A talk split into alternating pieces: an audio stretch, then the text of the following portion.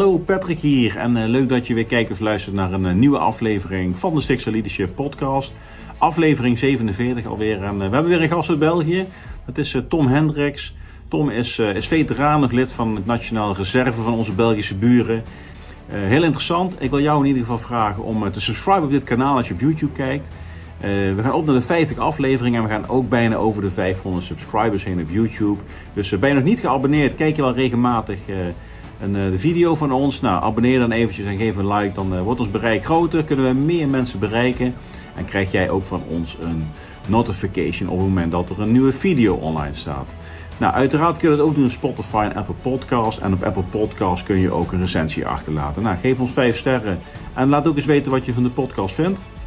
Dat is uh, leuk voor ons om te weten. En dan kunnen anderen ook lezen wat voor podcast wij zijn. Nou, we zijn druk in de weg aan timmeren met de mastermind. Ja, dus uh, we gaan in de zomer gaan we een tweede mastermind groep starten. Heb je daar interesse in? Linkje zit in de podcastbeschrijving. Traject van 6 of 12 maanden en dan ga je met een groep mooie activiteiten doen met tegelijkertijd werken aan het scherpstellen van doelen en ook doelen behalen. Dat is het allerbelangrijkste natuurlijk. En de Six Star reis naar Zweden, leiderschapsreis. Dus ben je interesse, heb je interesse in leiderschap, team performance, persoonlijke ontwikkeling? Uh, wij laten dat samenkomen in een reis naar Zweden. Uh, midden in de natuur gaan wij uh, aan de slag samen om vooral mooie dingen te doen, maar dat tegelijkertijd ook te gebruiken om te groeien als leider. Uh, bepaalde elementen vanuit onze defensietijd en vanuit het bedrijfsleven laten wij samenkomen in een unieke omgeving en met een mooie groep ga je daar een fantastische week ervaren. Ook die informatie staat in de beschrijving. En indien jij daar interesse in hebt, kun jij een, een gesprek aanvragen met mij, met ons. En dan kunnen wij al jouw vragen beantwoorden. En uh, vind je het dan nog steeds interessant om mee te gaan, kun je je aanmelden voor deze reis. Zal het najaar van dit jaar zijn. Er is geen haast, echter plekken zijn beperkt uiteraard. Dus word je hierdoor getriggerd, schroom niet om contact met ons op te nemen. Ik ga je aankondigen. Oké, okay, dat is goed. Ja, we gaan lekker beginnen. Ik zeg ja. welkom bij de Six Leadership Podcast. Ik heb net al een introductie gegeven over de Mastermind en over de reis naar Zweden die we organiseren. Um, we hebben geen mooi weer in Haarlem vandaag. We hebben heel veel wind. En ik heb een, een gast uit, helemaal uit België, Tom Hendricks. Uh, welkom Tom. Dank je. Hendricks met uh, CKX. CKX, ja, de moeilijke ja. vorm. Ja. Ik moet nog steeds iedere keer nadenken als ik op een type ben. Ja, en voor de luisteraars en de kijkers, abonneer op ons kanaal. sowieso doen. En als je wat windgeluiden hoort op de achtergrond, dan weet je dat het windkracht 6 zuidwesten storm is in, in Haarlem. En het raam is kapot. dat wordt morgen gemaakt, maar stel dat je wat geluiden hoort, dan, dan weet je waar dat, waar dat door komt. Tom, welkom. Dank je. Flinke rit gemaakt. Ja, leuk om hier te zijn. Ja. Twee uur en een half gereden, maar ja. Ja, geen, geen file gehad. Dus, uh... dus we zitten al twee uur samen ondertussen. Ja, klopt. En eens dat je de grens over bent, dan heb je die, dan heb je die gaten in de wegen hè, in Nederland. Dus, uh, daar en zo is een groot verschil? Ja, ik weet de collega's vroeger, als ik uh, bij Sticht zat, die zeiden dat soms al lachend. Hè, als je de grens over gaat, dan voel je aan de, aan de, aan de vibraties in de wagen. Maar het, het verschil is al, is al, geklein, is al kleiner geworden, maar je merkt toch wel een verschil. Ja, dat klopt. Dus de vijfbaans A2 langs Utrecht Amsterdam, dat was wel een uh, verademing. Dat was leuk rijden, ja. ja. Dat, uh, wat, wat, wat, is nog meer uh, leuk in Nederland vanuit Belgisch perspectief gekeken? Die vraag had ik helemaal niet gestudeerd, maar jij begint over gaten in de weg. Dus, ja, ja, ja. Oh, wat ik wel leuk vind of vond, want ik, zeg, ik, heb, ik heb denk ik een uh, kleine vier jaar in, in, Nederland gewerkt, dus onder, onder Nederlandse collega's gewerkt mm -hmm. bij Defensie, is de, de manier hoe dat jullie met mensen omgaan. Dan bedoel ik um, onderling, -hmm. de gesprekken die veel losser zijn dan bij ons. Um, en ook de manier van haar beslissingen toeleven. Ik heb altijd gemerkt dat het verschil is met, met onze defensie dan, dat bij jullie de zeg maar, de weg naar de beslissing loopt iets langer. Dus er wordt iets meer over gepraat, wordt iets meer over gediscussieerd. wordt nog eens een, een tweede keer een advies gevraagd. Maar als jullie vandaag beslissen, dan is de uitvoering morgen. Mm -hmm. Vanuit, vanuit defensieperspectief. Vanuit defensieperspectief. Oké, okay, maar jij bent, jij bent natuurlijk ook veteraan. Ja, klopt. Ik kun je even een korte introductie geven, want de mensen denken, hij begint in één keer over ja. defensie te praten. ja. we, gaan van, we gaan van gaten in de weg tot de A2 ja, en dan terug naar defensie. Maar jij hebt een defensieachtergrond? Ja, klopt. Dus ik uh, defensieachtergrond bij België natuurlijk, dus mm -hmm. Belgische defensie. Uh, dus ik heb daar de, de militaire school aangelopen, dus zeg maar de KMA van, van ja. Nederland, dus de officiersopleiding. Um, infanterie officier geweest. Dus van uh, 2008 tot uiteindelijk 2019 heb ik defensie verlaten. Uh, ik heb daar eerst een beetje een klassiek traject onder, doorlopen, dus uh, pelotonscommandant, second van de compagnie, uh, die zaken. Een aantal uitzendingen kunnen doen naar Libanon, naar Afghanistan twee keer. en naar Congo. en dan uiteindelijk dus in Nederland terechtgekomen. Op een gegeven moment zocht men in België een, een, ja, een verbindingsofficier om te gaan werken bij de staf van de landmacht om eigenlijk uh, hoofdzakelijk te gaan kijken hoe dat we de internationale uh, trainingsmogelijkheden beter konden benutten. Want uh, beide landen dan eigenlijk... Je voor de Nederlandse staf van de landmacht? Ja, ja, de stafklas bij, bij ja. SICTA. Omdat we eigenlijk merkten, zowel bij Nederland als in, als in België, van als wij een, een duur buitenlands oefenterrein afhuren, of het nu een Bergenheunen is of een uh, Altengraven of wat dan ook. Ja, we hebben eigenlijk de capaciteit niet meer om dat zelf 100% te bezetten, mm. maar we betalen het wel 100%. Dus misschien kunnen we daar elkaar wat aanvullen, waardoor dat een beetje die samenwerking ontstaan is. En ben ik dus een uh, viertal jaar in Nederland gaan werken om die, die samenwerking op poten te zetten. Dus dat eigenlijk uh, Belgische eenheden konden deelnemen aan, aan Nederlandse uh, trainingskampen, in, in, voornamelijk in Duitsland of, of, of omgekeerd. Dus Nederlandse die aan, aan Belgische eenheden konden deelnemen. nadien heb ik nog mijn majoorsopleiding gedaan, even op de sectie 3 van de brigade gezeten. En dan uiteindelijk in 2019 Defensie verlaten. Hm.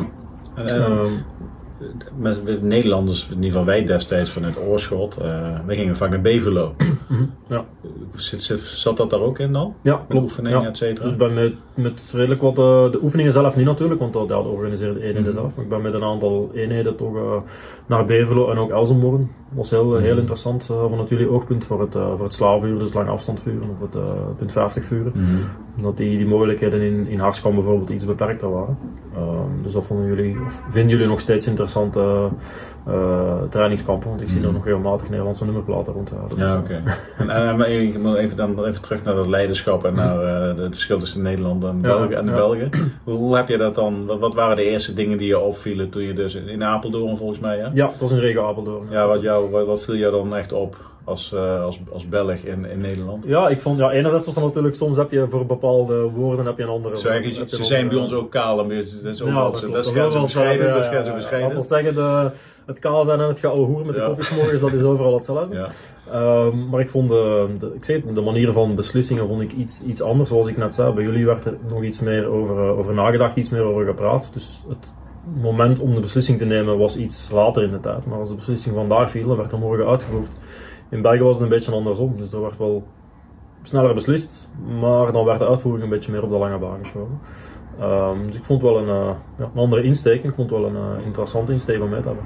Ja, is dat verschil dat het, dat het gaat om het in actie komen in plaats van de beslissing nemen? Mm -hmm. Dat in actie komen belangrijker is dan de beslissing nemen? Ja, ik denk dat het misschien een beetje te maken heeft met, met cultuurverschil, misschien, ik weet het niet. Um, maar dat je gewoon merkt dat, dat er ja, meer plaats is voor interactie, zeg maar. Of toch op dat moment meer plaats is voor interactie uh, bij, de, bij de Nederlandse uh, defensie dan bij de Belgische, waar dat misschien iets sneller uh, worden adviezen niet gewonnen en dan wordt er iets, meer, iets sneller beslist. Waardoor er achteraf misschien af en toe de beslissingen wat moet, moet bijgedraaid worden ook. Mm -hmm. En ik zeg bij jullie liep het iets anders, dus er werd nog eens een tweede, tweede keer overheen gegaan om dan, om dan de uitvoering iets later te starten, maar uiteindelijk wel op hetzelfde moment te eindigen natuurlijk, omdat ja, okay. de uitvoering zelf wel, wel meteen gestart werd. Dus, ja. Goed, we, we, hebben op het moment ook iets van een virus wat er rond de wereld ja. uh, zweeft. dat, is, dat is volgens mij bij jullie ook, want het virus kijkt niet naar de grens. Nee, nee, nee. Hoe, hoe, hoe kijk, want kijk, je kijkt natuurlijk ook naar andere landen. Weet je wel, het is toch een ja. beetje een Europees dingetje geworden. Iedere land heeft zijn eigen aanpak en zijn Ja. eigen manier van kijken. Zeggen, Ja. Ieder mens heeft daar nog eens een keer zijn eigen manier van kijken op vaak. Ja. Hoe kijkt België naar Nederland? Ik denk dat qua manieren van beslissen en ook de beslissingen die genomen worden, dat de, zowel op politiek niveau, dan zowel in Nederland als in België, dat die globaal gezien wel in dezelfde lijn ligt. Dus, dus het is op een ander moment dat er een lockdowntje is, op een ander moment dat de horeca dicht is. Maar uiteindelijk worden wel dezelfde beslissingen genomen. En ik zie ook dat eh, voor mij toch dezelfde fout ligt in het beslissingsproces. Um, maar je ziet wel in Nederland heb je meer, meer tegenkanting op politiek niveau. Je hebt daar een aantal partijen die toch echt zwaarder tegen het beleid ingaan. Uh, en dit volgens mij ook weer te maken met, met, met de structuur van het land. We hebben in België ook regionale uh, regeringen, dus de Vlaamse regering en de Waalse regering. En de partijen die federaal in de, in de oppositie zitten, die zitten Vlaams in de meerderheid. Uh, die twee regeringen moeten samenwerken. Dus dan is het natuurlijk ook iets moeilijker voor een bepaalde partij om misschien openlijk wat kritiek te geven. Want uiteindelijk hebben ze via hun, eigen collega's, eigenlijk via een andere regering, met het beleid ondersteund. Uh, terwijl in Nederland zie je toch politiek gezien dan dat er, uh, dat er meer tegenwind gegeven wordt. De bevolking is iets anders natuurlijk. Ik denk dat je die polarisatie wel, wel overal in de wereld ziet, wat wel jammer is natuurlijk. Um, dus dat is volgens mij wel het grote verschil met, uh, ja, okay. Maar je zegt net een foutje. Ja, we hebben het er daar straks even over gehad. Hè. Als, als je de, de, de Ik heb niet alles onthouden we besproken Als je kijkt naar zeg maar puur de structuur hè, dus, eh, van beslissingnamen, dus ja, bij jullie heb je het OMT, bij ons heb je de, de GEMS, dus de expertengroep zeg maar, die, Mhm. die de politiek adviseert. Ja, enerzijds heb je natuurlijk een aantal eh, expertises die heel hard vertegenwoordigd zijn in die groep, een aantal expertises die er misschien zouden moeten inzitten, die er eigenlijk niet in zitten. Maar uiteindelijk heb je een groep mensen die dus een advies formuleren. want Dat is per definitie is al een compromis, want je moet met verschillende mensen overeenkomen. Dus dat advies is een compromis. Dat gaat dan naar de politiek, die dan ook nog eens een compromis moet zoeken binnen de verschillende politieke strekkingen. En dat gaat dan naar buiten. Dus er is eigenlijk twee keer een compromis gemaakt voor er eigenlijk eh, officieel een beslissing wordt genomen. Mhm. Ja, dan kan je je niet voorstellen dat we dat bij Defensie zouden doen bijvoorbeeld. Ja, ik- Nee, dan had jij een mooi voorbeeld. ja, ik zei, ik zei het straks. Stel je voor dat we een, eh, een brigade beslissingsproces hebben, dat we, dat we een bepaalde operatie moeten uitvoeren. Dat de brigadecommandant zegt van ja, kijk, we gaan een offensieve actie doen. Dus voor mij is infanterie heel belangrijk. Dus ik wil een expertengroep met eh, drie die de infanterie vertegenwoordigen. Eh, verkenners kan ik ook nog wel gebruiken, daar wil ik er twee van hebben. Ehm, verbindingen vind ik ook nog wel belangrijk, daar steken we één iemand van in. Logistiek vind ik niet zo belangrijk, want de actie gaat maar één dag duren. Dus we gaan het waarschijnlijk niet echt nodig hebben. Daar steken we niemand van in. Jullie gaan nu onderling eh, zeggen hoe we, de, hoe de actie gaan uitvoeren. Jullie komen met het tactisch plan. Als het klaar is, kom je naar mij. Dan neem ik wel even neem het plan even door met de verschillende secties. Dan maken wij er nog een kleine draai aan en dan gaan we uitvoering. Ja, ik denk dat dat geen plannen zijn die we willen uitvoeren. Ik denk dat er een reden is waarom dat we een bepaalde structuur hebben, dat een bepaald beslissingsnamenproces, waar net al die expertises aan bod komen, om net te voorkomen natuurlijk dat je in het midden van de operatie niet de logistieke steun hebt die je nodig hebt. Of dat je op een bepaald moment de verbinding niet hebt of de communicatie niet hebt die je nodig hebt. Of dat je misschien onvoldoende informatie hebt omdat de verkenners hun, hun ding niet hebben kunnen doen. Of dat de artilleriesteun eh, niet kan steunen waar ze moet steunen omdat, die, omdat dat proces niet goed zat. En dat is denk ik de, de, een beetje de systeemfout die je toch ziet in, in, de COVID-structuur. wa- wa- waardoor je vaak achter de feiten aanloopt. Ja, of, of, of waar dat je ja, enerzijds te veel een, een, een, een advies hebt dat al een compromis is als het naar een beslissingsniveau gaat. Dat zou een, een ruw advies moeten zijn eigenlijk, waarbij dat ieder expertise zijn, zijn eigen ding kan doen. En dan heb je de, natuurlijk de politiek die daar moet in beslissen. Maar ja, een compromis op een compromis, dat is natuurlijk niet, eh, ja, dat is niet ideaal om in, eh, in uitvoering te gaan. Nee. Nou, heb jij ook met, met cybersecurity te maken gehad bij Defensie? Ehm, nee, ik, ja, half. Ik zit nu nog als, als eh, bij de NATRES, zeg maar, waar jullie NATRES doen, dus als bij Ja. de reserve van Defensie. Dus ik heb nu wel van, van een beetje aan de zijlijn de cyberaanval meegemaakt die nu recent bij de Belgische Defensie heeft plaatsgevonden. Dus eh, ik denk eind dit jaar, of eind vorig jaar, eh, begin dit jaar een cyberaanval voor Defensie die er toch voor heeft gezorgd dat eh, toch in ieder geval naar buiten toe de diensten een tijdje hebben, hebben platgelegen.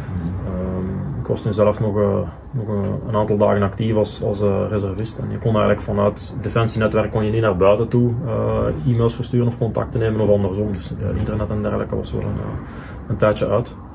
Ehm, Maar van, vanuit je rol als, als officier? nee, nee, als mijn, mijn rol als officier niet. nee. Wat- wat deed je dan? Ehm, als officier, ik zei heb ik voornamelijk operationeel bezig geweest. Dus als, uh, als pelotonscommandant heb ik het geluk gehad om, om een, uh, een missie te kunnen draaien in, Libanon. Nadien nog in, uh, in Kabul en in, in Kunduz. Um, en dan uiteindelijk nog te kunnen meegaan om een opleiding te draaien in, in Congo, onze, onze, oude kolonie, waar we toen nog opleiding gaven aan de, aan de Congolese militairen.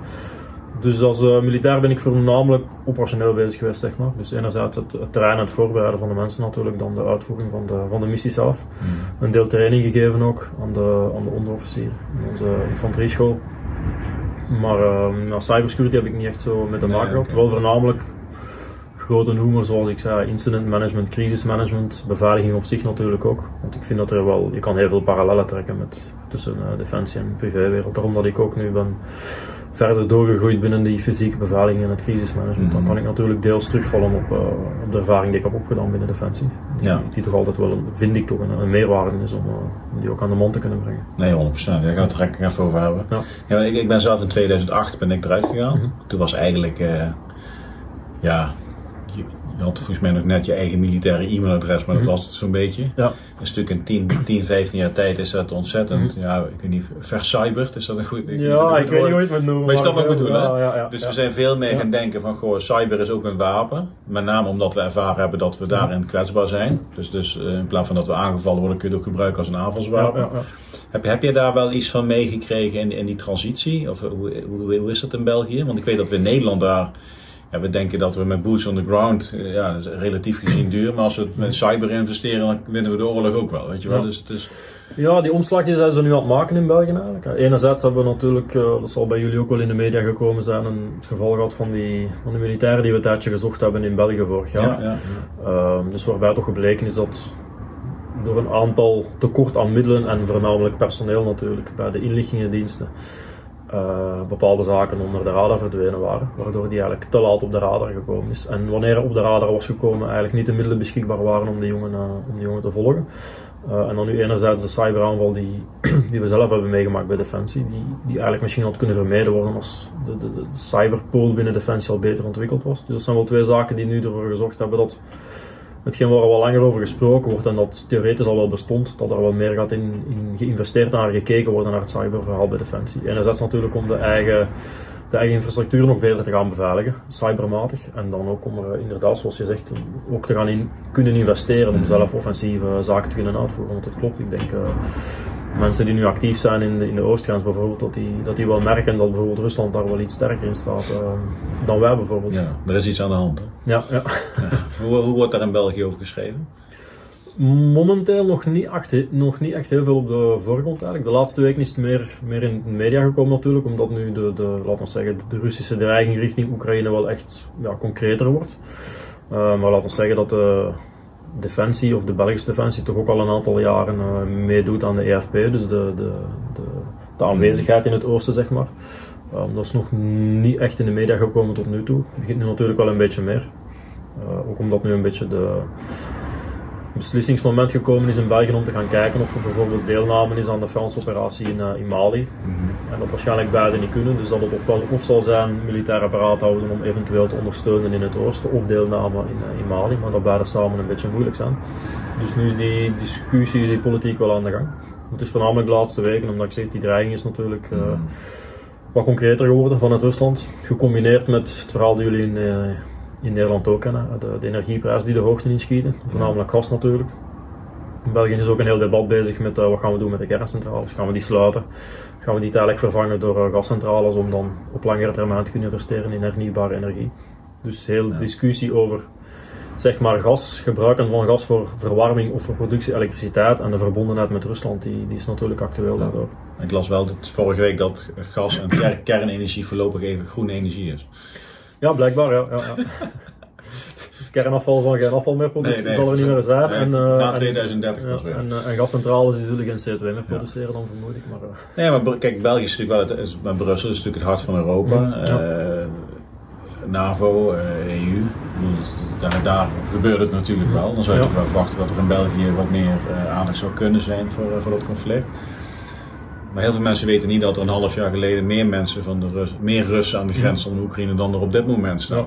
Alleen toen was niemand daarmee bezig. Nee, klopt. Nu wordt er plotseling een conflict gemaakt, ja. terwijl de situatie aan de Russische kant niet veranderd is. Nee, dat klopt. Ik denk dat de Russen al, al een aantal jaren, denk ik, natuurlijk een bepaalde bezorgdheid hebben naar de houding van het Westen ja. en de NATO in het algemeen. En zeg maar het, het feit wat zij als een bedreiging zien van hun grens natuurlijk, omdat we meer opschuiven naar het oosten. Maar het is een beetje van het, uh, wat de politiek en de media er uh, ja. van belangen echt natuurlijk, dat klopt. Kijk, voordat we geblokt worden, wij zijn een NAVO, we zijn de podcast. ja, wij zijn uh, NAVO-veteranen. Ja, ja. Kijk, maar het, het, het, het, de conflict situatie wordt dit keer niet per definitie veroorzaakt door de Russen. Het is wel een, een, een, een kracht van twee kanten. Ja die nu in beweging komt, waardoor er een spanning ontstaat. Ja. ja en, en, dat, en, en je kunt je als Poetin zijn, die zegt van ja, jullie staan ook bij mij voor de deur, weet je wel. Dus ik heb, Klopt, ik heb daar wel mijn, mijn ja. bedenkingen bij. Ik ben inderdaad ook, zo, zoals hij zegt natuurlijk, zeker met de achtergrond heel hard NAVO gezien, maar ik denk dat je in deze inderdaad wel ergens moet de houding begrijpen, zeg maar, inderdaad. Ja. Die, die, die bekijkt dat natuurlijk vanuit een groter perspectief en die zegt van, ja, jullie zijn midden jaren, zijn jullie altijd korter en korter naar mij opgeschoven en nu staan jullie bijna met jullie, met jullie voeten, bij wijze van spreken, over de grens. Ja. Uh, en ze voelen zich daar natuurlijk een beetje bedreigd. Dus het is, het is een moeilijke situatie. Uh, en ik denk zowel vanuit Rusland als vanuit de NATO dat het ook moeilijk zal worden om ze te ontmijnen, want iedereen heeft natuurlijk zijn principes. Uh, Poetin die zegt van, ja, ik wil jullie niet te kort bij mijn grens hebben. Terwijl NATO natuurlijk zoiets heeft van ja, wij gaan een land niet verbieden om met ons in contact te komen of zelfs lid te willen worden van Nee. ons, want dat is tegen onze principes. En beide zijn gerechtvaardigd. Ja. Dat maakt het natuurlijk een beetje Complex, complex. Maar het is ook van alle tijden. Ja. Eh, hoe lang heb jij bij Defensie gezeten? 17 jaar? Uh, ongeveer 17 jaar. Ja. Ja, en, en, en wat was voor jou dan, want je, had, al- je, had, je, hebt, je hebt daar een hele mooie carrière, eigenlijk nog steeds, want je zit natuurlijk bij de Natras, maar Ja, ja. uiteindelijk toch besloten om, om Defensie te verlaten en, Mhm. eh, en de burgermaatschappij te gaan? Ehm, de reden was eigenlijk drieledig voor mij, denk ik. Enerzijds natuurlijk het evenwicht privé-sociaal. Dus bij Defensie toch wel vrij vaak weg bent. En ik eh, begon ondertussen een, een gezin te krijgen. En ik had een zoon onder, onder andere. Dus daar begin je wel een klein beetje over na te denken. Hij is, wel, Anderzijds... hij is wel Lewis Hamilton fan. hè? Ja, ja, dat gaan we, moet je dan nu echt vertellen? De meeste luisteraars zeggen Max Verstappen, maar goed, dat is...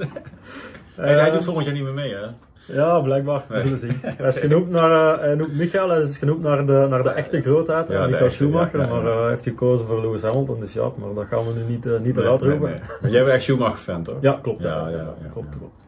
Ehm, dus dat was enerzijds een, een reden. Anderzijds, ehm, dus net zoals in Nederland natuurlijk, dat er al heel lang een, een onderinvestering in defensie is. En die werd steeds meer en meer zichtbaar. En dan begin je toch een beetje aan te vreten dat je vaak dingen plant of vaak dingen moet voorbereiden die dan uiteindelijk niet realistisch blijken of die gewoon geschrapt worden.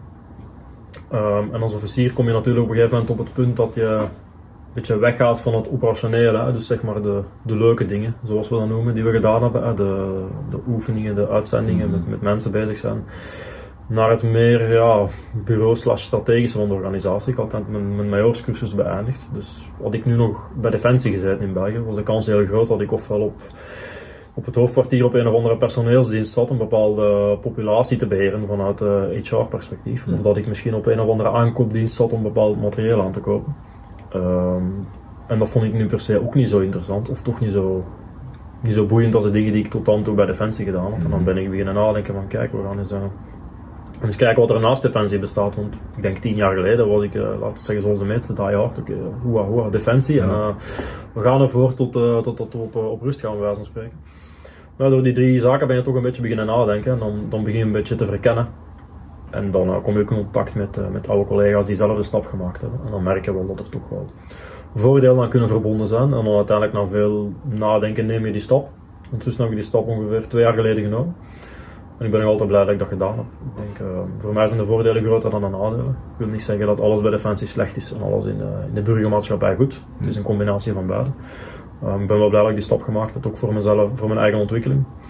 Eh, maar zoals ik net zei, ik ben nog actief bij die NATRA's, om- omdat ik die, ja, sommige dingen mis je wel en die, die Ja. link vind ik nog wel belangrijk. Het is natuurlijk niet hetzelfde, hè, de of een, eh, of een infanteriebataljon, maar ja, er zijn bepaalde dingen die je kan, eh, waar je connectie kan bouwen. Ja. Dat vind ik wel leuk.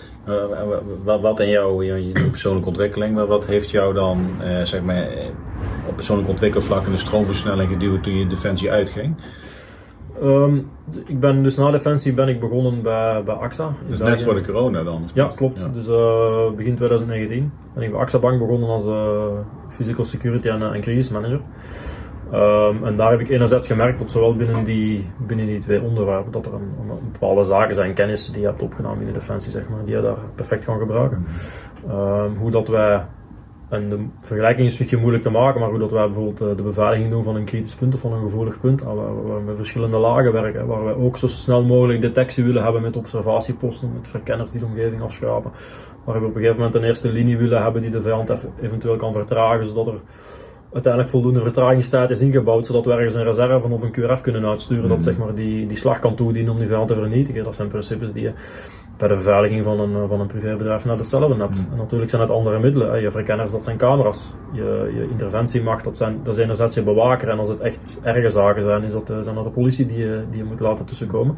En daartussen heb je ook een aantal lagen, architecturaal zeg maar, ehm, dat je een aantal, eh, een aantal barrières hebt, of het nu een muur is, of, of, een, eh, of een hekwerk, of, of, of een deur die een bepaalde eh, weerstand heeft, zeg maar. Die ervoor kan zorgen dat je voldoende vertragingstijd inbouwt tussen het moment dat je iemand hebt gedetecteerd die, jou, die jouw zitten wil, wil eh, betreden. En Maar, maar kijk dan in- naar, een- naar een kaart bijvoorbeeld en een eh, platte grond. En, ja, ja, ja, ja, dus effectief inderdaad de bouwplan erbij nemen en kijken van oké, eh, wat zijn hier de zwakke punten? Want ja, zo'n indringer komt natuurlijk vaak ook niet langs de voordeur. En bij, als ik bij AXA begonnen ben, durf ik zeggen, er was wel een, een zeker veiligheidssysteem in plaats. Ja, een van de belangrijke zaken of assets buiten het personeel natuurlijk bij de bank is, eh, is de IT. Hè. Je, moet kunnen, je homebanking moet werken, je, je mobile banking moet werken. Of als bank ja, kom, je natuurlijk niet, eh, kom je natuurlijk niet weg bij je klanten. Dus het eh, datacenter in, in, in de kelder zeg maar, was heel belangrijk. En op een gegeven moment heb ik die, die gesprekken gehad met de mensen die daar al, al langer werken. Zeiden, ja, hebben toch een goede beveiliging. Je moet, ja, langs, de, langs de deur heb je een, een tourniquet, je moet binnenkomen, moet je via slimlanes. Ja, dan moet je badgen om door die deur te gaan. Dan moet je een uh, verdieping naar beneden, daar moet je nog eens badgen. Dan heb je de deur van het dataroom zelf, die een bepaalde weerstand heeft als een dubbele deur. Uh, een badge en een pincode. Dus je moet toch een, zeker traject afleggen voordat je daar binnen bent. Ik zeg, ja, dat klopt. Ik zeg, maar daar heb je de, de postkamer. Ik zeg, en, uh, als je op het gelijkvloers over het muurtje springt en je gaat de trap buiten naar beneden op het terras, dan sta je meteen aan die nooddeur aan de postkamer. Je breekt die nooddeur open en ik sta meteen voor de, voor de deur van de serverruimte. Ik, zou zo gaan, ik ga niet langs de, langs de voordeur gaan. Dus dat zijn natuurlijk dingen die je bij Defensie gewend bent om zeg maar uh, ja, te kijken naar de zwakheden in je eigen dispositief en wat ga je er tegenaan zetten.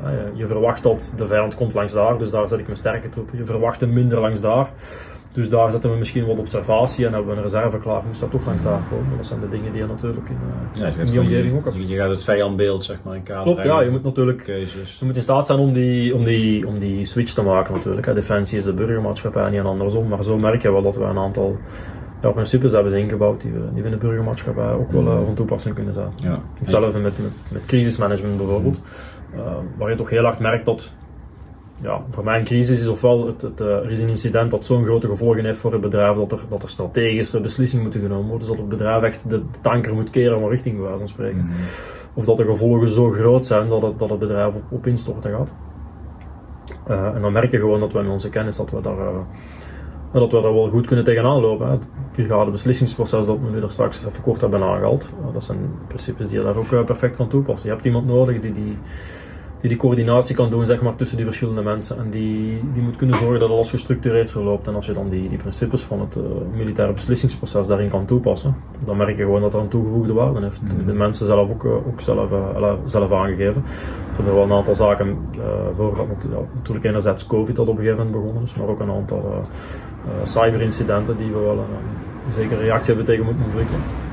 Heb je met COVID ook zeg maar uh, toen al in een vroeg stadium gekeken van gewoon dit gebeurt er in China was dat toen volgens mij? Ja, ja klopt. Wat, wat, wat kan de impact zijn op ja. ons als bedrijf? Ja, voilà. Dus een van de dingen die ik bijvoorbeeld had ingevoerd bij het crisismanagement bij de bank was oké, okay, we komen elke kwartaal, dus elke drie maanden komen we even samen met de groep. Wat natuurlijk heel moeilijk is, want ja, als je spreekt over strategisch niveau, dan wil dat natuurlijk zeggen dat deels de mensen in je crisisteam, dat zijn ja, de managers, de, de leiders van het bedrijf zeg maar, want die moeten die beslissingen gaan, Ja. gaan, uh, gaan nemen en ondersteunen.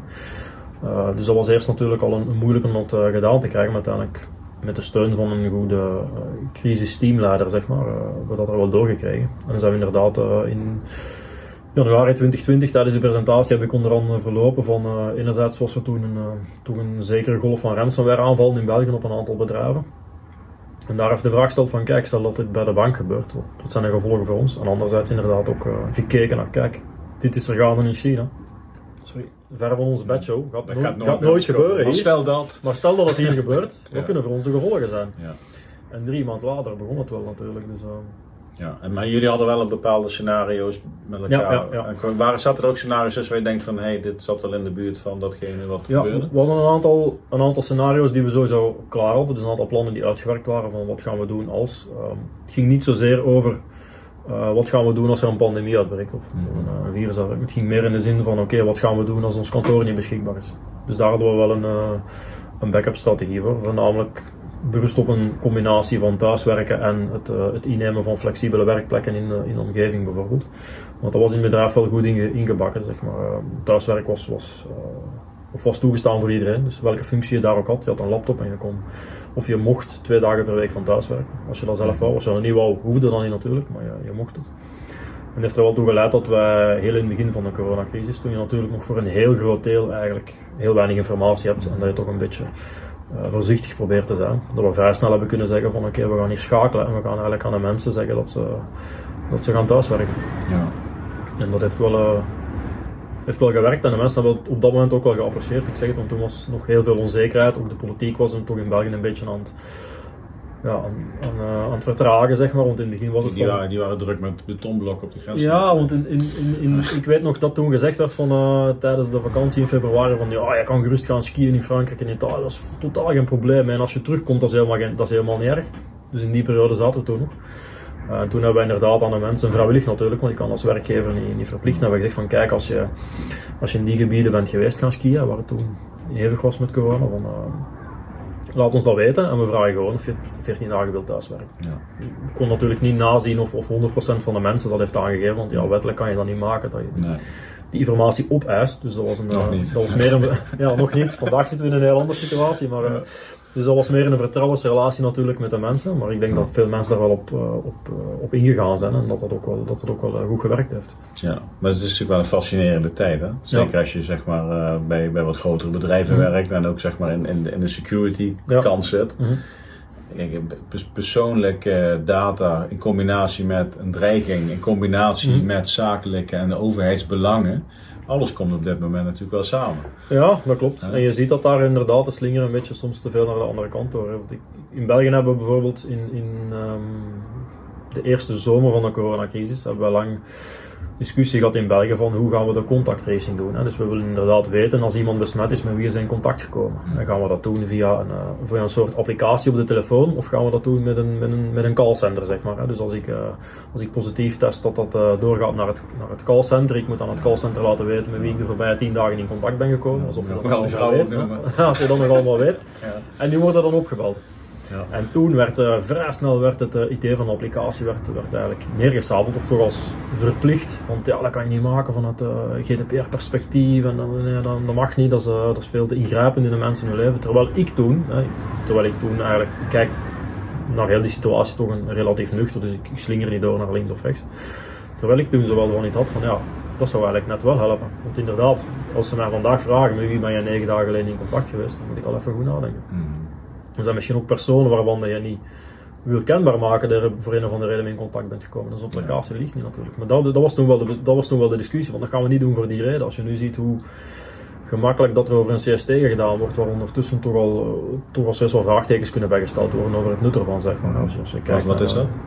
Ja, het COVID-safe-ticket. eh kennen jullie benaming nu in Nederland? Wat is dat? De QR-code? Of, Oh, de eh, QR-code. Ja, nee, die Ja. kennen we wel. Ja. nou ja, voilà, dus ja, in de CST noemen we dat in België, dus het COVID-safety-ticket, dat je overal moet, Ja, moet tonen oké, om ja, binnen ja. te gaan. hè. Ik bedoel, heel in het begin kon ik nog ergens begrijpen dat daarop ingezet werd, omdat toen nog het idee leefde bij de wetenschap van ja, als je gevaccineerd bent, dan... eh, Ja, ja. ja, bij ons is het het CTB. Ja, Corona ja, toegangsbewijs. Waarom? Dus Ja, dat oké, is, eh, voilà. Het komt hetzelfde neer. ja. ja.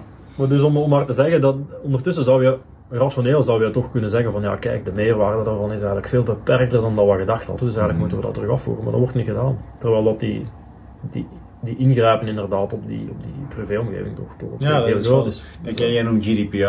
Dat Ja. in, ik voor de Nederlanders eh, de AVG-wet. Mhm. Dus met name van, goh, je mag niet zomaar persoonsgegevens Mhm. eh, opslaan of delen of weet ik veel Ja. wat. Eh, zijn we daar niet massaal aan voorbij gelopen dan de afgelopen twee jaar in het kader van nood?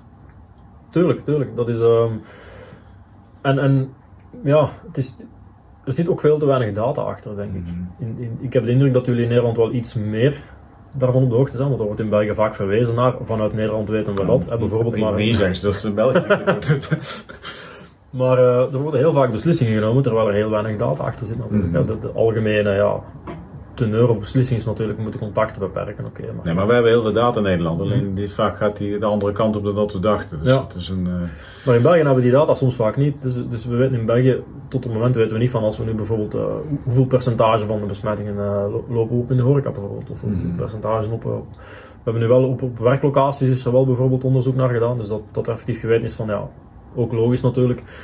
Dat mensen die niet kunnen thuiswerken door hun job, dat die meer kans maken om besmet te geraken. Maar ik denk dat we daar een studie voor nodig hadden.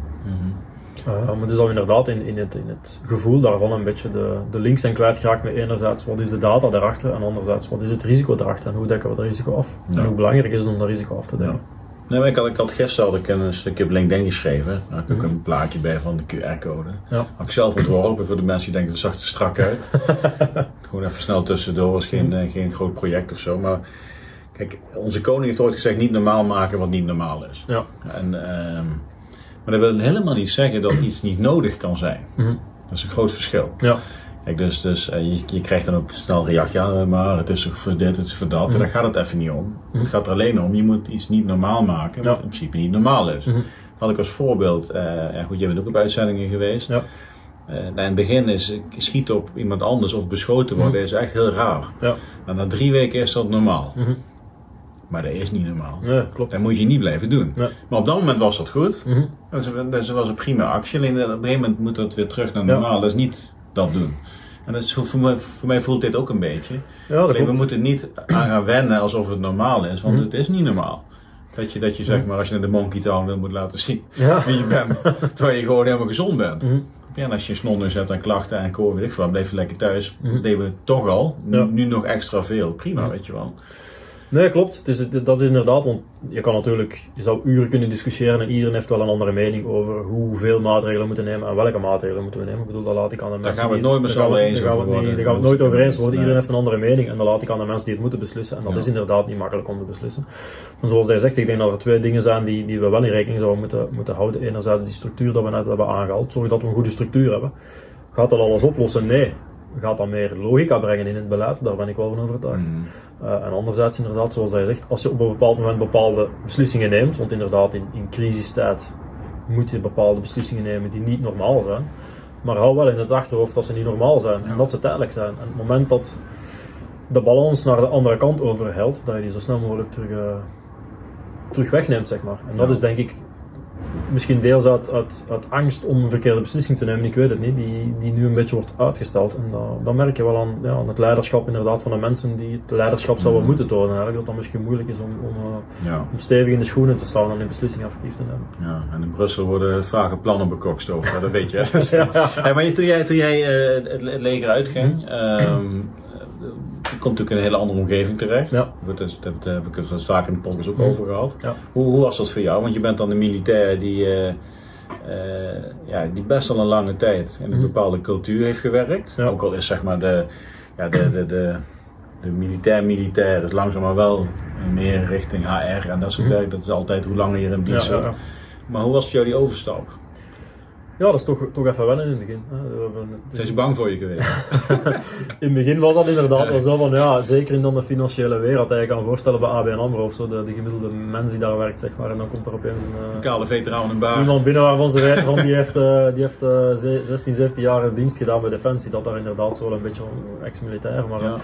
Dus in het begin is dat wel wel wennen, maar ik denk dat het in elke omgeving is natuurlijk. Hè. Dus, eh, maar je moet inderdaad wel die klik kunnen maken van, eh, ik heb een zekere achtergrond, ik heb een zekere kennis. Ik heb daar een aantal, een aantal dingen op gedaan bij Defensie die zeker nuttig zijn. Maar je moet nu kunnen evolueren naar een andere omgeving. Ja, dat is natuurlijk hetzelfde zoals ik, eh, zoals we er straks even over aangehaald hebben toen ik in, in, in de Nederlandse defensie ging werken. Die, alhoewel het defensie is, is het toch een beetje anders. Dan moet je ook Mhm. natuurlijk een beetje kunnen meegaan in die flow, zeg maar. En natuurlijk in het bedrijf is de sprong of de, het verschil is groter. Maar dan moet je inderdaad wel die, eh, die flexibiliteit hebben, zeg maar, om je daar een beetje aan aan te passen. Want als je natuurlijk, alhoewel je door defensie een goede achtergrond hebt en goede principes en, en, en zaken hebt die je kan toepassen, die een meerwaarde kunnen zijn in de bedrijfswereld, moet je natuurlijk niet doen bij een bedrijf zoals je bij defensie deed. Want dan, eh, ja, dan Noem eens iets wat je echt hebt moeten afleren. Nou, dit is, dit is echt iets, als ik dat nou nog steeds had gedaan, dan... Wat ik, eh, wat ik echt heb moeten afleren is, is ehm, vandaag beslissen, morgen uitvoeren. Of het nu is omdat ik het zelf doe of omdat het door iemand anders is. Ehm, ook al is het heel dringend, en we zijn gewend bij Defensie waar we soms zaken die heel dringend moeten gebeuren. En dan zijn we gewend om even, eh, even de avond wat langer door te doen, eh, beslissing te nemen en, eh, en morgen gaan we dus erop. jij, jij had allebei de krijgsmachten samen. Je was en snelle beslissen en meteen uitvoeren. De Belgische en de Nederlandse. Ja, ja. Nee, ik bedoel, stel nu dat we bijvoorbeeld, eh, we hebben eff- effectief een acuut probleem in, in, op missie bijvoorbeeld. hè. Dus we Mhm. zitten in, we- dan zijn wij gewend om, om snel te schakelen, Ja. om snel een beslissing te nemen. Ja. Ehm, waarbij ik niet zeg dat dat in de bedrijfswereld niet gebeurt, maar om daar te zeggen van oké, het is nu acuut en het zal morgen gebeuren, dat, eh, dat gaat niet gebeuren, hoe dringend het ook is. Dus dat zijn wel dingen die je even moet aan wennen. Dat ik soms zoiets had van ja, maar wat is hier dringend? Ik zie hier bijvoorbeeld echt een, een, een, een zwak punt in de beveiliging. Dan moet, dan moet, alleen morgen moet daar een camera komen, bij wijze van spreken, Ja. of morgen moet daar een, eh, een stevigere deur komen, of weet ik veel wat. Maar dat is een proces van maanden, want Ja. dat moet Hoe acuut is het dan? ja, dat moet, ja. dat moet, eerst moet je dat verdedigen, dat moet goedgekeurd worden, dat moet natuurlijk naar de aankoopdienst gaan. Dus dat loopt een. Dus dan merk je wel van, alhoewel dat het, eh, de impact eventueel toch wel, wel relatief kan zijn. Dat dat, dus dat zijn dingen die je wel moet, eh, een beetje moet afleren. Ja, mee te gaan in het proces, zeg maar, binnen, Ja. binnen een bedrijf. Dat, dat, dat anders loopt dan bij Defensie. En, en, en, wat is die specifieks wat je juist mee hebt genomen eh, naar Defensie? Of naar de burger bedoel ik? Ja, wat ik vooral heb meegenomen is het, ehm, dan kijk ik weer naar het gedeelte crisismanagement, het, het ja, gewend zijn zeg maar, om, om al die mensen bij elkaar te brengen en te Mhm. kijken van hoe kunnen we hier best tegenaan lopen. Dus of het nu gaat over eh, samen zitten met je sectie- of groepscommandanten en je, en, je, en je second van je peloton bijvoorbeeld, te gaan Mhm. kijken van hoe kunnen we een bepaalde bepaalde doelstelling halen of een bepaalde opdracht tot een goede einde brengen. Of zelfs met, met, met hele peloton of met, met, met hele groep mensen, afhankelijk van, van de situatie. Um, waarbij ik gemerkt heb dat die, die, die interactie die we gewend zijn om te hebben, dat die bijvoorbeeld binnen dat crisismanagement ook wel, uh, ook wel handig kan zijn. Want je hebt daar natuurlijk wel iemand nodig die al die expertises die rond de tafel zitten, om die een beetje te, kan niet zeggen te verbinden, maar te connecteren. En om, om te kijken van, uh, oké, waar kunnen we naartoe groeien? Bijvoorbeeld, wat is hier een, een goede oplossing? Want, want, iedereen kijkt natuurlijk naar, naar zijn winkel, dat is logisch, daarom ben je ook een expert. En dat is toch ook iets wat ik goed heb meegenomen vanuit Defensie. Ja. Over plaatsen als ik... De brigade zat, dan, dan uitzicht dat misschien nog meer. En je zit daar samen met, met uh, de van de artillerie, van de logistiek, van de, van, de van de verbindingen. En je moet er uiteindelijk naar een, naar een oplossing komen die voor iedereen werkt, of voor iedereen lukt om een bepaalde opdracht uit te voeren. Uh, alhoewel dat jij natuurlijk overtuigd bent als infanterist van dat jij het belangrijkste bent, want jij bent ja. het speerpunt van de opdracht. Uh, totdat je natuurlijk drie dagen later geen benzine hebt of geen eten of je hebt geen verbinding, ja, dan, dan besef je dat je het niet alleen kan doen natuurlijk.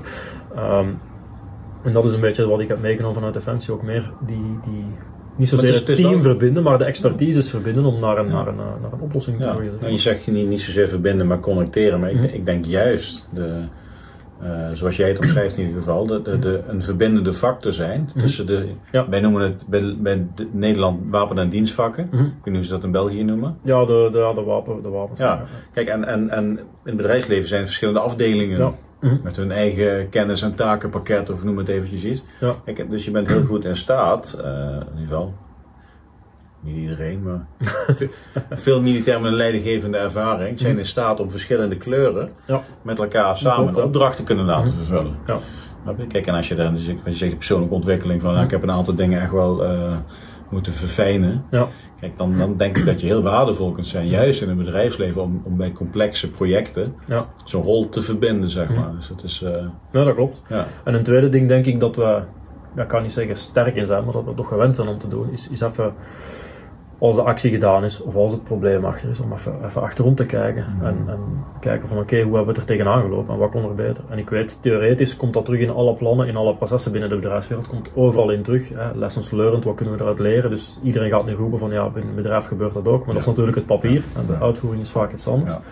Uh, kunnen, kunnen toegeven bijvoorbeeld van ja, dat hebben we misschien niet zo goed gedaan en dat moeten we verbeteren en dan ook effectief je procedure of je, je plannen aanpassen naar de toekomst. Dat is ook iets denk ik wat, uh, wat wij kunnen, want vaak ja, merk je toch dat sommige mensen een beetje die rem hebben om, om te kunnen zeggen van ja, dat is niet ideaal geweest. Je moet natuurlijk op een gegeven moment beslissingen nemen in een, in een situatie waarbij je niet over alle informatie beschikt. In het midden van een, van een phishing aanval, heel, bij de bank hadden heel veel klanten uh, werden aangevallen door, door phishing, dus waren geld kwijt omdat ze, omdat ze erin getrapt waren en waren aan het kijken van oké, okay, hoe gaan we daar tegenaan lopen. Achteraf hebben we bepaalde zaken gezien van dat we misschien beter zo of zo gedaan, zonder nu in detail te gaan erover, maar dat hadden we gezien van dat we beter zo of zo gedaan. En dan moet je natuurlijk capteren en kijken, oké, okay, in de toekomst moeten we zorgen dat dat niet meer gebeurt. En ik denk dat het ook wel iets is waar we, misschien raar om te zeggen, waar we sterk in staan. Natuurlijk ga je daar ergens sterk met, staan. Met, met wij bedoel je als, als militair? Als militair, ja. Misschien raar, raar om te zeggen, maar dat we sterk staan in de zwakheid of de, de zwakte in, het, in, het, uh, mm -hmm. in de oplossing te zoeken die we hebben uitgevoerd. Uh, ja, maar, maar kijk, ik, ik denk evalueren en er iets mee doen. Uh, is iets anders dan zeggen dat je het doet. Ja, klopt. Ja. Zeggen dat je het doet is één, maar er ook iets mee doen is twee. Ja, Kijk, bij Defensie zit het in het systeem. Mm -hmm. En ik denk ook niet bij alle eenheden hoor. En ik denk ook niet bij alle eenheden even goed. Mm -hmm. Maar de, de, de, de eenheden die echt heel serieus bezig zijn om steeds te groeien als team en als eenheid. Ja. Die kijken altijd even terug waar we het beter kunnen doen. Ja. Hoe kunnen we dat, dat volgende keer meenemen als we weer een soortgelijke actie hebben. En, en inderdaad, de ene doet misschien meer dan de andere. Maar het is wel denk ik bij globaal gezien bij de meeste mensen die, die uit Defensie komen, een reflex die ze hebben. Ja.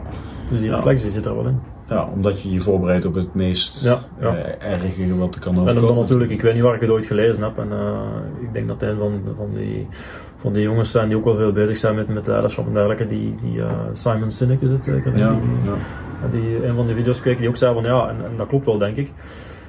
Bij Defensie, de dingen die fout gaan, die liggen er bovenop. Omdat als daar iets fout gaat, ja, dan gaat het serieus fout. Hmm. En misschien is het daarom dat wij die reflex hebben, dat we, dat we weten van oké, als, als er iets misgaat, kan het heel erg misgaan. En we, zitten in, in bepaalde risicogebieden, dus het kan wel heel erg misgaan met, met, Ja. met mensen of het kan zware gevolgen hebben, waardoor we er misschien meer aandacht voor hebben. Maar het leidt er wel toe dat we inderdaad die aandacht er wel voor hebben om te kijken van hoe kunnen we verbeteren, hoe kunnen we Ja. onszelf, onze groep of onze procedures aanpassen. Ja. En ik denk dat dat bij een politie, bij een brandweer, Ja, een booreiland, op een booreiland, Ja, ik noem- klopt. Daarom zijn, en dat zijn dan ook vaak weer eh, beroepsgroepen waar oud-militairen Mhm, ja. gewild zijn, want die begrijpen dat ze in een omgeving Ja. zijn waar je steeds weer kijkt wat je beter had kunnen doen en de lat hoger legt. Ja, dat klopt. Ik denk inderdaad dat dat de, de groepen die je opnoemt, hè, en globaal gezien de groepen zeg maar, waar dat je weet van als hier iets misgaat, dan kan het serieus misgaan, eh, dat die daar meer, meer voor openstaan. Ja. En maar je zit bij de REA-groep. Ja. Maar wat doe je daar dan precies? Want, want ik heb Bram natuurlijk ook hier Ja, ja, ja. eh, twee jaar terug. Was, het was net voor corona. Maar Ja. nee, net, ja, nee, was een, was een hangout. Dus het was... Goh, was het nou? Net, net voor corona denk ik Mhm. was dat nog. Ik heb, ben inderdaad via, via Bram ben ik bij, bij Rea terechtgekomen. Ja. Ehm, ik ben daar nu project manager, dus, dus kort samengevat. eh Rea is een, een, bedrijf met hoofdkantoor in België dat actief is binnen de ruimtevaart en, en de veiligheid, voornamelijk eh, cyberveiligheid.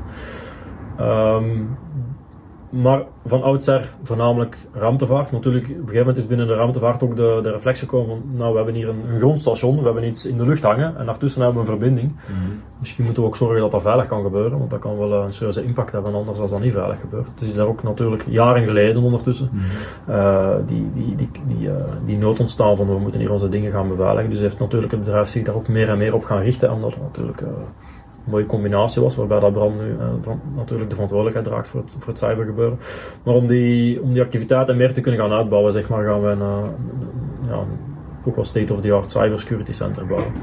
Eh, daar ben ik de projectleider van. Dus opnieuw, voornamelijk mensen, zowel intern als extern het bedrijf, verbinden en, en zorgen dat we zoveel mogelijk het maximale uithalen om, om, om zo'n mo- mooi mogelijk project af te leveren natuurlijk.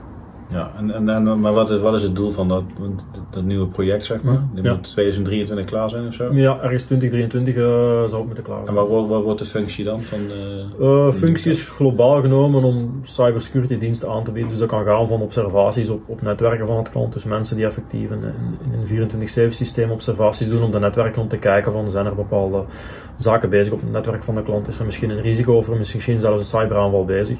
Eh, anderzijds dat er ook op gereageerd kan worden in incident of crisismanagement modus als er zich effectief een incident voordoet. En dat er forensische analyse kan op gebeuren, dus dat we gaan kijken van hoe is dit nu kunnen gebeuren en hoe kunnen we dit voorkomen. En dus weer even terug op het, op het leermomentje. Ja. Eh, en ook een gedeelte training. Dus eh, bij Real staan ze heel sterk in ook zelf eh, de zaken zelf te ontwikkelen. Wat natuurlijk logisch is als je de, de engineers hebt natuurlijk die, die actief zijn binnen de ruimtevaart. Dus een aantal eh, cybersecurity training applicaties of, of, of middelen die we zelf ontwikkeld hebben, die daar ook zullen actief zijn. Waarbij dat eigenlijk mensen kunnen toekomen en zeggen van oké, we gaan hier in een, in een trainingsomgeving gaan we het, het netwerk van ons bedrijf nabouwen en gaan we daar een aantal scenario's op loslaten en kijken van eh, wat gaat er gebeuren en hoe kunnen we er tegenaan lopen. Ja, en bijvoorbeeld de Russische en Chinese cyberdreiging, is, gaat dat ook jullie bedrijf aan? Ja, enerzijds wel natuurlijk, omdat ja, als je naar, naar cyber kijkt, dan kijk je natuurlijk ook naar. Voor, ja, het is voor iedereen is be- cyber belangrijk natuurlijk, maar voornamelijk toch voor kritische infrastructuren. hè, Dus, dus zaken waarvan dat je weet van als die uitvallen, die zijn niet zo goed voor het land. Of het nu bijvoorbeeld kan gaan over spoorweginfrastructuur, maar dat kan bijvoorbeeld ook gaan over defensie natuurlijk. Bierbrouwerij. Ja, dat is ook belangrijk. maar, maar bijvoorbeeld de treinen, bussen, Ja, ja, eh, elektriciteit, dus- ja, voilà, eh, ja, klopt, dat soort dingen allemaal. Eh, en dan zit je natuurlijk onrechtstreeks zit je altijd met die dreiging natuurlijk, die, die hoek komt loeren. Dus dat is iets waar je wel onderhevig voor moet zijn, dat dat vanuit, vanuit ja, eventueel spionage of sabotage, dat vanuit die hoek dat dat altijd wel, eh, wel kan gebeuren. En dan is het mooi dat we bij, bij Rea die link gemaakt hebben om te zeggen van kijk, we hebben iets waar we eigenlijk gaan investeren in cyber. Maar ook het fysieke aspect moet daar in orde zijn. Want het wordt vaak wordt dat toch nog wel apart bekeken in de bedrijfswereld. Je hebt fysieke beveiliging, je hebt, eh, de cyber of de IT-security. Groeit wel meer en meer naar zich toe, er wordt ook voornamelijk over gepraat, maar het wordt nog niet zoveel gedaan. Maar we hebben er nu toch al in geslaagd zijn om dat te convergeren, zoals dat dan weer zeggen met een mooi woord. Dat we, dat we eigenlijk eh, proberen beide risico's af te dekken. Natuurlijk als je je netwerk IT-matig heel sterk is beveiligd, maar ik wandel fysiek eh, zonder probleem met datacentra binnen, ja, dan heb je natuurlijk ook een probleem. En anderzijds ook, als je een, een datacenter hebt dat in een, in een bunker zit fysiek, maar je kan het eh, met, met IT-skills kan je het vrij gemakkelijk aanvallen, dan heb je ook een probleem. Het is natuurlijk een combinatie van beide die er moeten voor zorgen dat je zo goed mogelijk beschermt. Ja, en eh, je zit ook in Canada. Ja. Heeft niks met de truckers te maken. Toch? Nee, nee, nee. Nee. nee, het bedrijf is ook actief in Canada. Ik ben dan vorig Ja. jaar inderdaad in Canada geweest om, om eh, een connectie te maken met de collega's, te kijken van hoe doen jullie het hier. Ja, maar wat is het doel van een tak in Canada? Heeft dat echt met de Noord-Amerika te maken? Of? Ik denk dat dat meer, eh, binnen bedrijf dat dat meer gegroeid is vanuit, vanuit het verleden eigenlijk. Mhm. Dus dat die, dat die tak daar is opgegroeid. Maar het is, het is natuurlijk wel zo dat die tak zich specifiek endt op, eh, op, op Noord-Amerika en Canada specifiek. Eh, Omdat het Franstalig is ook? Deels? Ehm, ja, het is voornamelijk Engels. Dus de mensen die er zijn spreken wel, spelen wel buitenlandstalen. Dus ja. zowel Engels, Engels als, als Franse taal. Mhm. Alhoewel dat Frans daar wel met een behoorlijk accent is ook, moet ik zeggen. Ja. Een beetje een Engels accent. maar het is, eh, dus het is wel leuk om die connectie te hebben natuurlijk. hè. Maar het was ook dan handig om naar Ginder te gaan, want ja, mensen... In elke omgeving gebeurt hetzelfde toch op een, andere, op een ander principe of op een andere manier. Dan kan je Mhm. daarbij gaan kijken hoe doen jullie het en waar kunnen we van leren. Dus dat is, Ja. wel, dat is wel interessant. om. Ja, interessant. En je doet nog iets? Ja, Met Safe? ja klopt. Dat staat, dat staat los van Rea. Ja. Dat, dat is meer richting de, de, de praktische kant, hoor. Ja, ja. Dus in in 2020, dus in volle corona, augustus Mhm. 2020, hebben we met, met drie collega-militairen eh, na lang nadenken, na lang discussiëren tussen pot en pint, toch gezegd van kom, we gaan, we gaan er toch voor gaan. We hebben een bedrijf opgericht dat globaal genomen zich, zich focust op eh, veiligheid en, en, en risicomanagement, maar toch voornamelijk op mensen die actief zijn in, in hoge risicogebieden, dus, eh, dus fragiele of, of, of, of, vijandige gebieden, zeg maar. En dat kan gaan van, van NGO's, dat kan gaan naar, naar diplomaten, dat kan gaan van internationale bedrijven, zoals een, een ESSO of een Shell, die misschien in bepaalde regio's actief zijn, om die mensen daarop te gaan voorbereiden. Omdat je er natuurlijk aan andere risico's onderhevig bent dan in België. Enerzijds omdat de omgeving anders is, anderzijds omdat je er natuurlijk ook in een andere functie zit. Soms, soms wordt er die, de platte vergelijking gemaakt van ja, het zal er wel zo erg niet zijn, want daar gaan ook toeristen naartoe. Maar goed, een, een toerist die ergens werkt heeft natuurlijk een ander risicoprofiel dan een, eh, dan een of andere belangrijk figuur of een figuur van een belangrijke internationale firma. Ja. Dan ben je aan andere risico's blootgesteld. Dus daar proberen we ons een beetje op te focussen en mensen daar... eh, Maar dan richten jullie wordt, op, op, op in België gevestigde bedrijven? Niet specifiek in. België. Het is natuurlijk wel, ja, we, we, zijn in, we zijn van België en we richten ons natuurlijk hoofdzakelijk wel op België. Maar het is niet zo dat we ons enkel verengen tot België. Nee, oké, maar even als voorbeeld. Ik, heb bijvoorbeeld een bedrijf, eh, ik heb een tak van Shell die in Mhm. Brussel zit. Ja. Ik ga het allemaal verzinnen, misschien klopt het niet. Mhm. Daar gaan tien mensen die gaan naar Qatar bijvoorbeeld. Ja. Eh, misschien is Qatar helemaal geen goed voorbeeld, maar ik neem even Qatar. Ja. Eh, dan kunnen jullie ze voorbereiden op hoe het daar, eh, wat betreft veiligheid, ja, ja. gedragingen, omgang met locals, eh, criminaliteit, Mhm.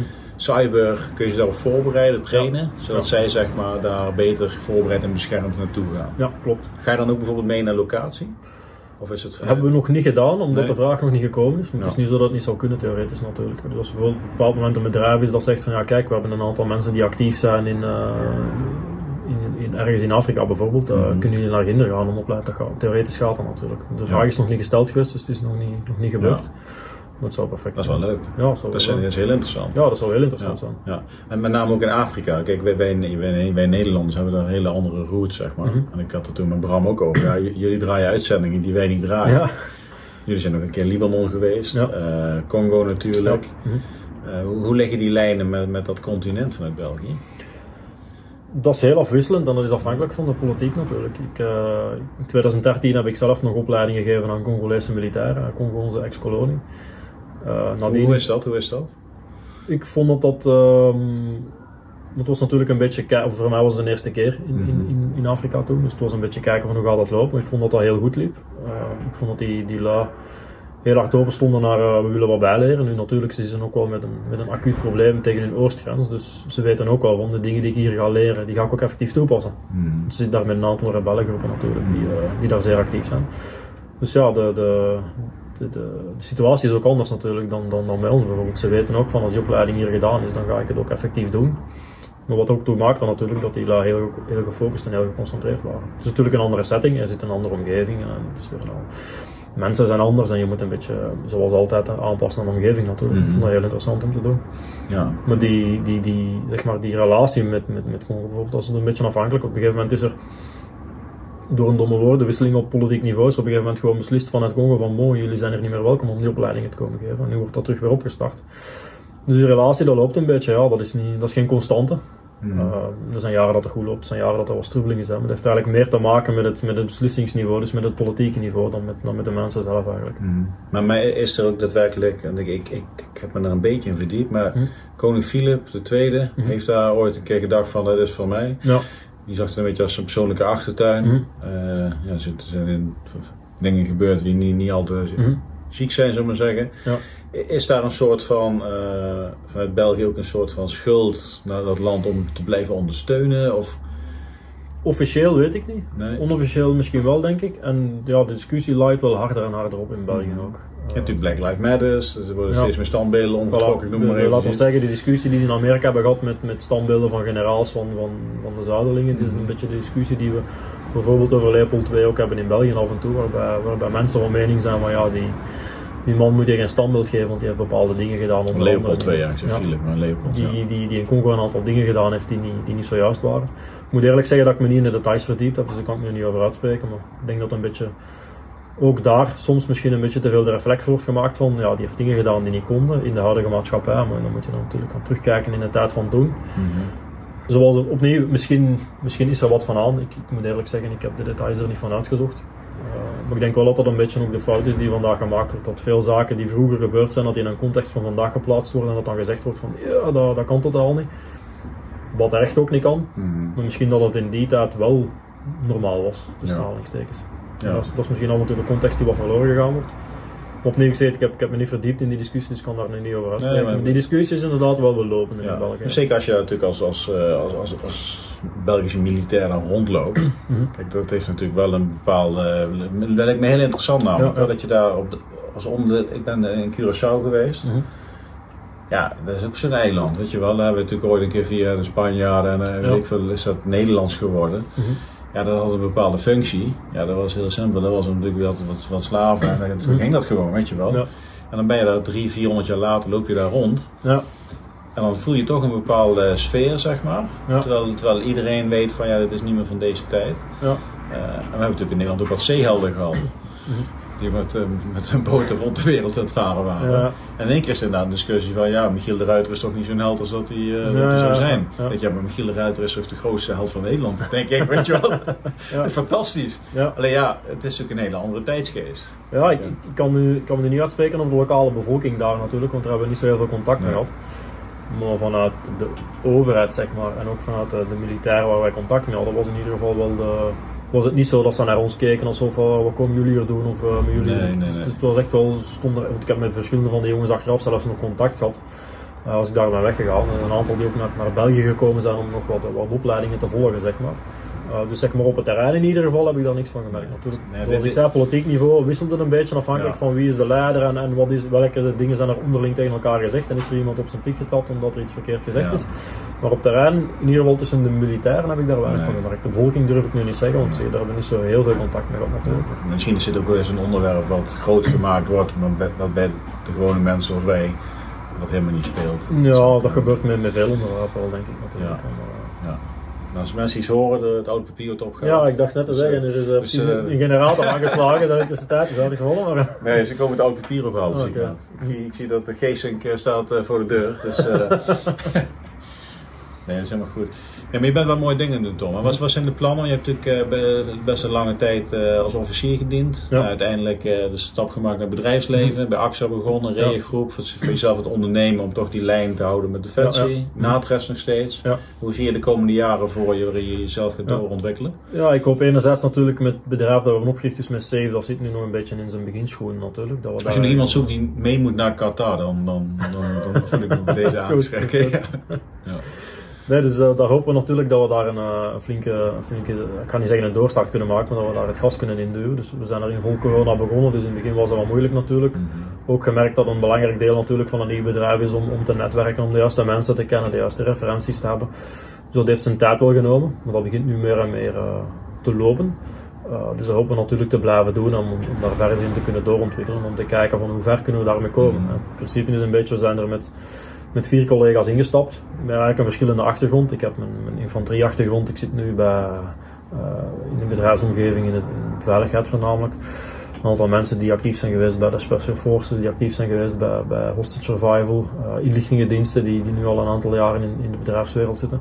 Dus wel een leuke mengelmoes. Ook, ook de mensen die we hebben aangetrokken om bepaalde opleidingen te geven, hebben wel een uh, defensieachtergrond of politieachtergrond. Dus er zit wel ergens een gemeenschappelijke deel erin, zeg maar, een gemeenschappelijke noem. Maar we hopen dan natuurlijk een beetje uh, op de kaart kunnen zetten en er echt te kunnen in doorgroeien. Op een gegeven moment echt kunnen zeggen van kijk, wij zijn hier in België de, de referentie waar je moet zijn als je een, een vraagstuk hebt over, over security training. Ja. En ofwel hebben we de expertise zelf in huis en kunnen we jou verder helpen, ofwel kunnen we jou misschien doorsturen naar een, naar een partner die we, die we kennen, omdat we weten dat die ook uh, kwalitatief is. Dat dan nu een, een, Belgische partner is of een internationale partner ja. bijvoorbeeld. Dat is wel een beetje de, de visie daarachter. En uh, bij REA is het natuurlijk zo, ja, ik, ik, voel me daar heel goed, dus ik hoop daar nog heel lang te kunnen, uh, nog, nog heel lang werkzaam te kunnen zijn. Ik vind dat een, een leuke, leuke samenwerking daar in, in, in vertrouwen, in, in, in, in onderling commitment in leiderschap, mm. zoals dat het hoort, zeg maar. Um, ik vind het een hele leuke omgeving om te werken. En dan ook die combinatie ruimtevaart, veiligheid is leuk natuurlijk. Uh, dus ik hoop natuurlijk eens dat dat project af is in 2023, dat ik de volgende stap kan zetten. Dus dat ik ook iets meer leidinggevend kan gaan doen misschien. Want natuurlijk, projectmanagement zit je met veel mensen in contact, maar dat is natuurlijk meer het netwerking en, en zorgen mm. dat, het, um, dat het loopt, zeg maar. En dat iedereen weet wat hij moet weten en iedereen kan doen wat hij, wat hij moet doen. Uh, maar daar misschien meer ook te evolueren naar een, naar een leidinggevende waar je echt, echt uh, met mensen kan gaan werken om, om samen een bepaalde doelstelling te halen. Bijvoorbeeld. Dat zou, wel leuk zijn als die twee ja. dingen kan, kan realiseren. Maar als, als, als officier bij de infanterie, mm -hmm. uh, hoe, wat voor grote eenheden heb je aangestuurd? Um, voornamelijk pelotons. Dus ik heb, mm -hmm. ik heb wel de second compagnie heb ik nog gedaan, maar de compagnie kan dan zelf door omstandigheden niet. Omdat ik ben dan enerzijds naar, dus naar, naar het ziek gegaan, dus bij die die, uh, die functie zeg maar bij, bij Staf Landmacht. Mm -hmm.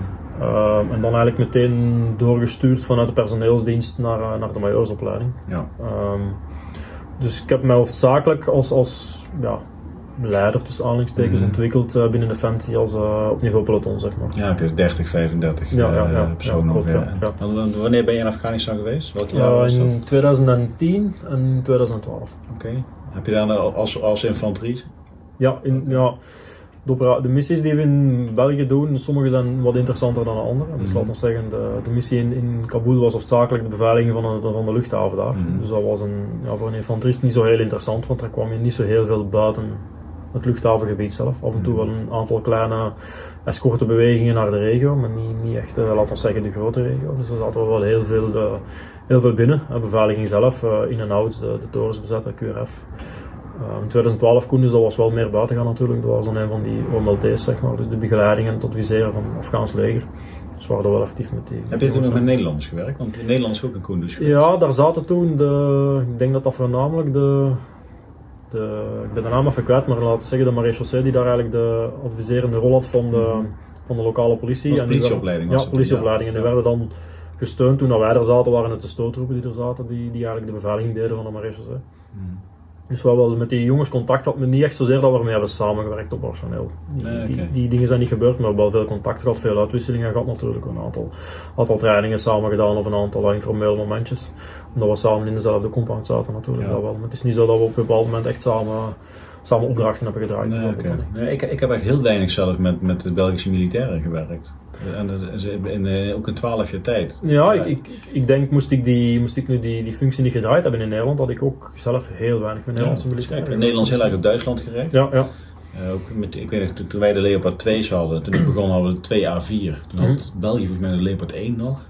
Ja, mij. dus ze hebben nooit een betere of een nieuwere versie dan de 1 gehad eigenlijk. Dus, eh, En daarna hebben ze geen tanks waarschijnlijk meer eh, Nee, meer nee, gehad. nee, ja, Nederland heeft natuurlijk eigenlijk, eigenlijk heeft Nederland ook geen tanks meer. We, we, we leasen ze wel van de ja, Duitsers. ja, ja, We hebben natuurlijk wel weer het, de eenheid, de Prinses Amalia volgens mij, ja. eh, opgericht. Mhm. Ehm, ik weet wel, toen ik in Bosnië was in 98, ben ik een paar keer in, in Sarajevo geweest. Mhm. ja. Daar wel met Italianen en met Belgen heel kleine groepjes Mhm. samengewerkt. Dat was, eh, was, vond ik heel bijzonder, want ik, ik kwam nooit Belgische militairen tegen. Ja. Of met die Vierdaagse dan in Nijmegen, of Dambelen. Eh, en Maat Ted. Ja, Die ken je die kent ook. iedereen, ja. Ja, die ken je ook. tuurlijk, tuurlijk. Ja. Ja. Ik heb, ik heb eh, veel jaren in Leopoldsburg, eh, de Vinkamp Bevelen doorgebracht en daar, ja, die is internationaal gekend natuurlijk. Ja, kun je vertellen wie dat is?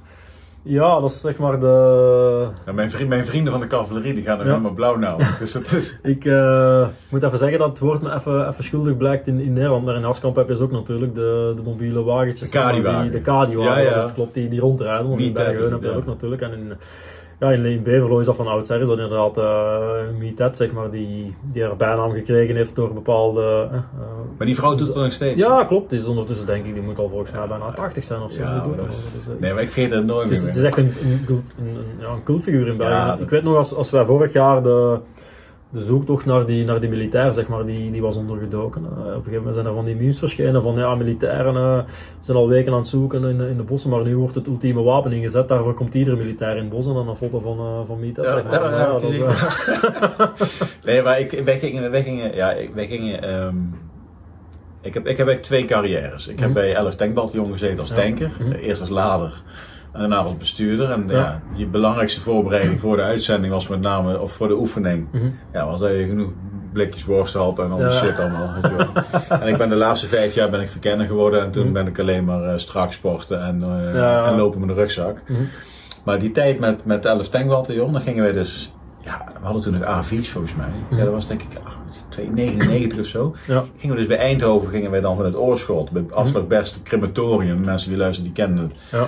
Er was toen nog twee baans. Dus we gingen met al die tanks gingen wij dan richting Beverlo. Ja. Langs Valkenswaard. en dan gingen wij dan naar- naar het oefenterrein toe. Ja. En dan, eh, ja, dan lag je daar in je onderkomen of weet ik veel wat. Zat je midden in een oefening. Ja. Ting, ting, ting, ting, ja, klopt. Ja. En dan kwam een busje aanrijden. En dan werd de oefening stilgelegd. ja, dat klopt. Dat Dus klopt. er was, er, was, er was gewoon eigenlijk nooit een reden waarom er een oefening... Ja, of er moest iemand per ongeluk van, van een tank afvallen dat hij zijn nek gebroken had of zo. Of de Klopt, van Minitet ja. kwam eraan. En dan rende iedereen naartoe met zijn tank, Ja, ja, eh, tank overal. Dat is aan. inderdaad. Dan kwam ja, een klopt. broodjes frikandel en Ja, de worst en ja. en dat. Ja, Dan ging Dat je daarna weer verder met de oorlog voeren. ja, ja, dat is waar. Ja. Daar wordt elke oefening wordt daarvoor stilgelegd. Dat is Ja, en dan hobbelden wij weer terug met al die, al die tanks. Ja, twee op. En dan vrijdagmiddag in die tijd bij Valkenswaard, dat was altijd file. Ja. En dan stonden wij met al onze Leopas in de file op vrijdagmiddag op de A2 bij Eindhoven. Ja, dat, ja, dat, is, dat is meer dan 20 jaar terug. Ja, dat kan je vandaag niet meer doen, want dan uh, Nee, dat was fantastisch. En dan, klachten eh, dat de wegen worden kapot gereden en de buurt begint te klagen. ja, dan stond je dus in, eh, in die file daar. En dan, eh, dan- toen zei ik op over de radio: jongens, even alle tanks even gas geven. Dan gingen al die alarmen van die auto's gingen af, Ja. midden op de snelweg, weet je wel. ja, mag allemaal niet meer.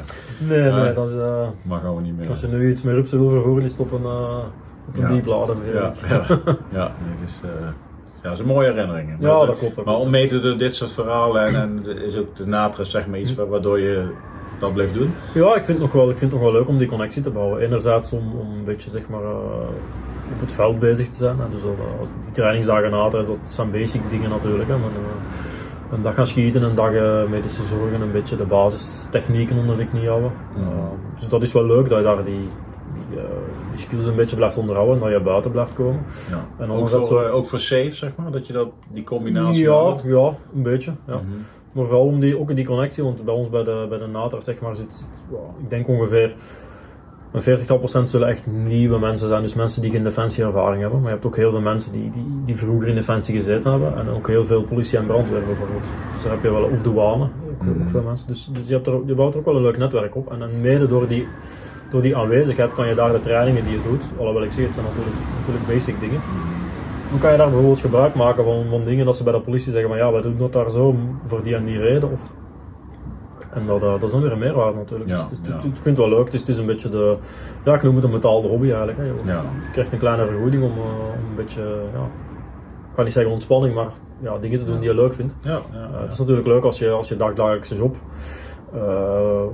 nu niet van 9 to 5, maar zeg maar voornamelijk is om, om op een computer te zitten of in de vergaderingen te zitten, dat je dan nog af en toe kan buiten komen. Dus ik vind dat wel leuk. En ook bij Defensie zelf in, in België is ook meer en meer het besef gekomen van, we gaan die reserve wel meer en meer nodig hebben, want we hebben echt wel grote tekorten. En daar kunnen we die misschien deels of mee opvullen. Ja. Dus, eh, dus Ja. dat is wel leuk. Hè. Ja, nou, mooi man. Hm. Gaan we nog iets te bespreken, Tom? Ollie? Hebben we nog iets te bespreken? Goh. We kennen elkaar al meer dan twee jaar, dus vandaag de eerste keer dat we elkaar Ja, dat klopt, zien. dat klopt. Ja, ik, eh, ik het, Ja. ik, ik wil niet meer, ik, ik weet niet meer van via welke weg, maar ik weet via LinkedIn dat ik op een gegeven moment op jouw berichten ben gekomen van de Six Star eh, Leadership en dan een beetje liggen doorklippen naar een YouTube kanaal, geabonneerd. Ja. en dan zo beginnen volgen natuurlijk. En dan is het wel Ja. interessant als je ziet welke gasten dat je over de vloer krijgt. Dus Ja. is het, eh, Ja, Mark Kroon, Peter van Um, Tom Hendricks. Ja, ik-. Ik heb het jou daar straks al gezegd, hè, als, ik, eh, als ik zie wie al over de vloer hebt gekregen, dan vind ik het wel bijzonder dat je mij gevraagd had. Want ik had zoiets van, ja, ik, ik, ik heb ooit, zoals ik zei, Peter van Hum ooit ontmoet in, in Bergenheunen dan bijvoorbeeld, hè, dus die, die van Hum schietwedstrijd. En dat is toch bijvoorbeeld iemand persoonlijk waar ik, waar ik nog altijd een beetje van onder de indruk ben. Ik vind dat die jongen, allee, die jongen, sorry, die, die man eigenlijk echt wel, eh, ja, zoals hij zei, die straalt iets uit en die, die, Ja. die kan iets overbrengen. Dan. Dat, is echt, dat, is echt, dat is echt prachtig. Charismatisch is die, ja, dat is, Ja. dat is top, die, die man. Dat is echt, eh, Zonder, eh, zonder heel autoritair aanwezig te zijn. Ja. Heel, heel verbindend Ja, en, tegelijkertijd, ja, ja. en tegelijkertijd Ja. je, positie claimen, zeg maar. Dat is knap hoor. En ja, eh, dat is, dat is zeker, dat, is- dat is heel knap. Dat, Ja. Dus, eh, Dat goed, ik vond het leuk dat je er was. ja, dank je. Ik Wij- ook. Vond het heel wij- gezellig. Wij gaan een visje eten. Ja, dat is goed. Leuk. We gaan een visje eten. Het is, eh, het is vrijdagmiddag, dus we gaan lekker afsluiten. Eh, bedankt voor het kijken, bedankt voor het luisteren. Eh, check de beschrijving eh, van de podcast. Kun je even kort nalezen waar we over gesproken hebben. Kun je eventueel aanmelden voor een aantal activiteiten. Ik zal ook wat linkjes erbij zetten voor Tom. Mhm. Kun je onder andere wat over Safe terugvinden, over de REA-groep, eh, Tom zijn LinkedIn profiel. En dan gaan we er een einde aan maken. Niet, niet, niet letterlijk natuurlijk. Nee, nee. maar, Goed, dat was gezellig. Ja, Patrick, dankjewel. En dan komt de podcast met Tom Hendricks alweer, eh, alweer ten einde. Het was een eh, mooi gesprek met onze eh, Belgische collega, ex-collega, vrienden uit het zuiden.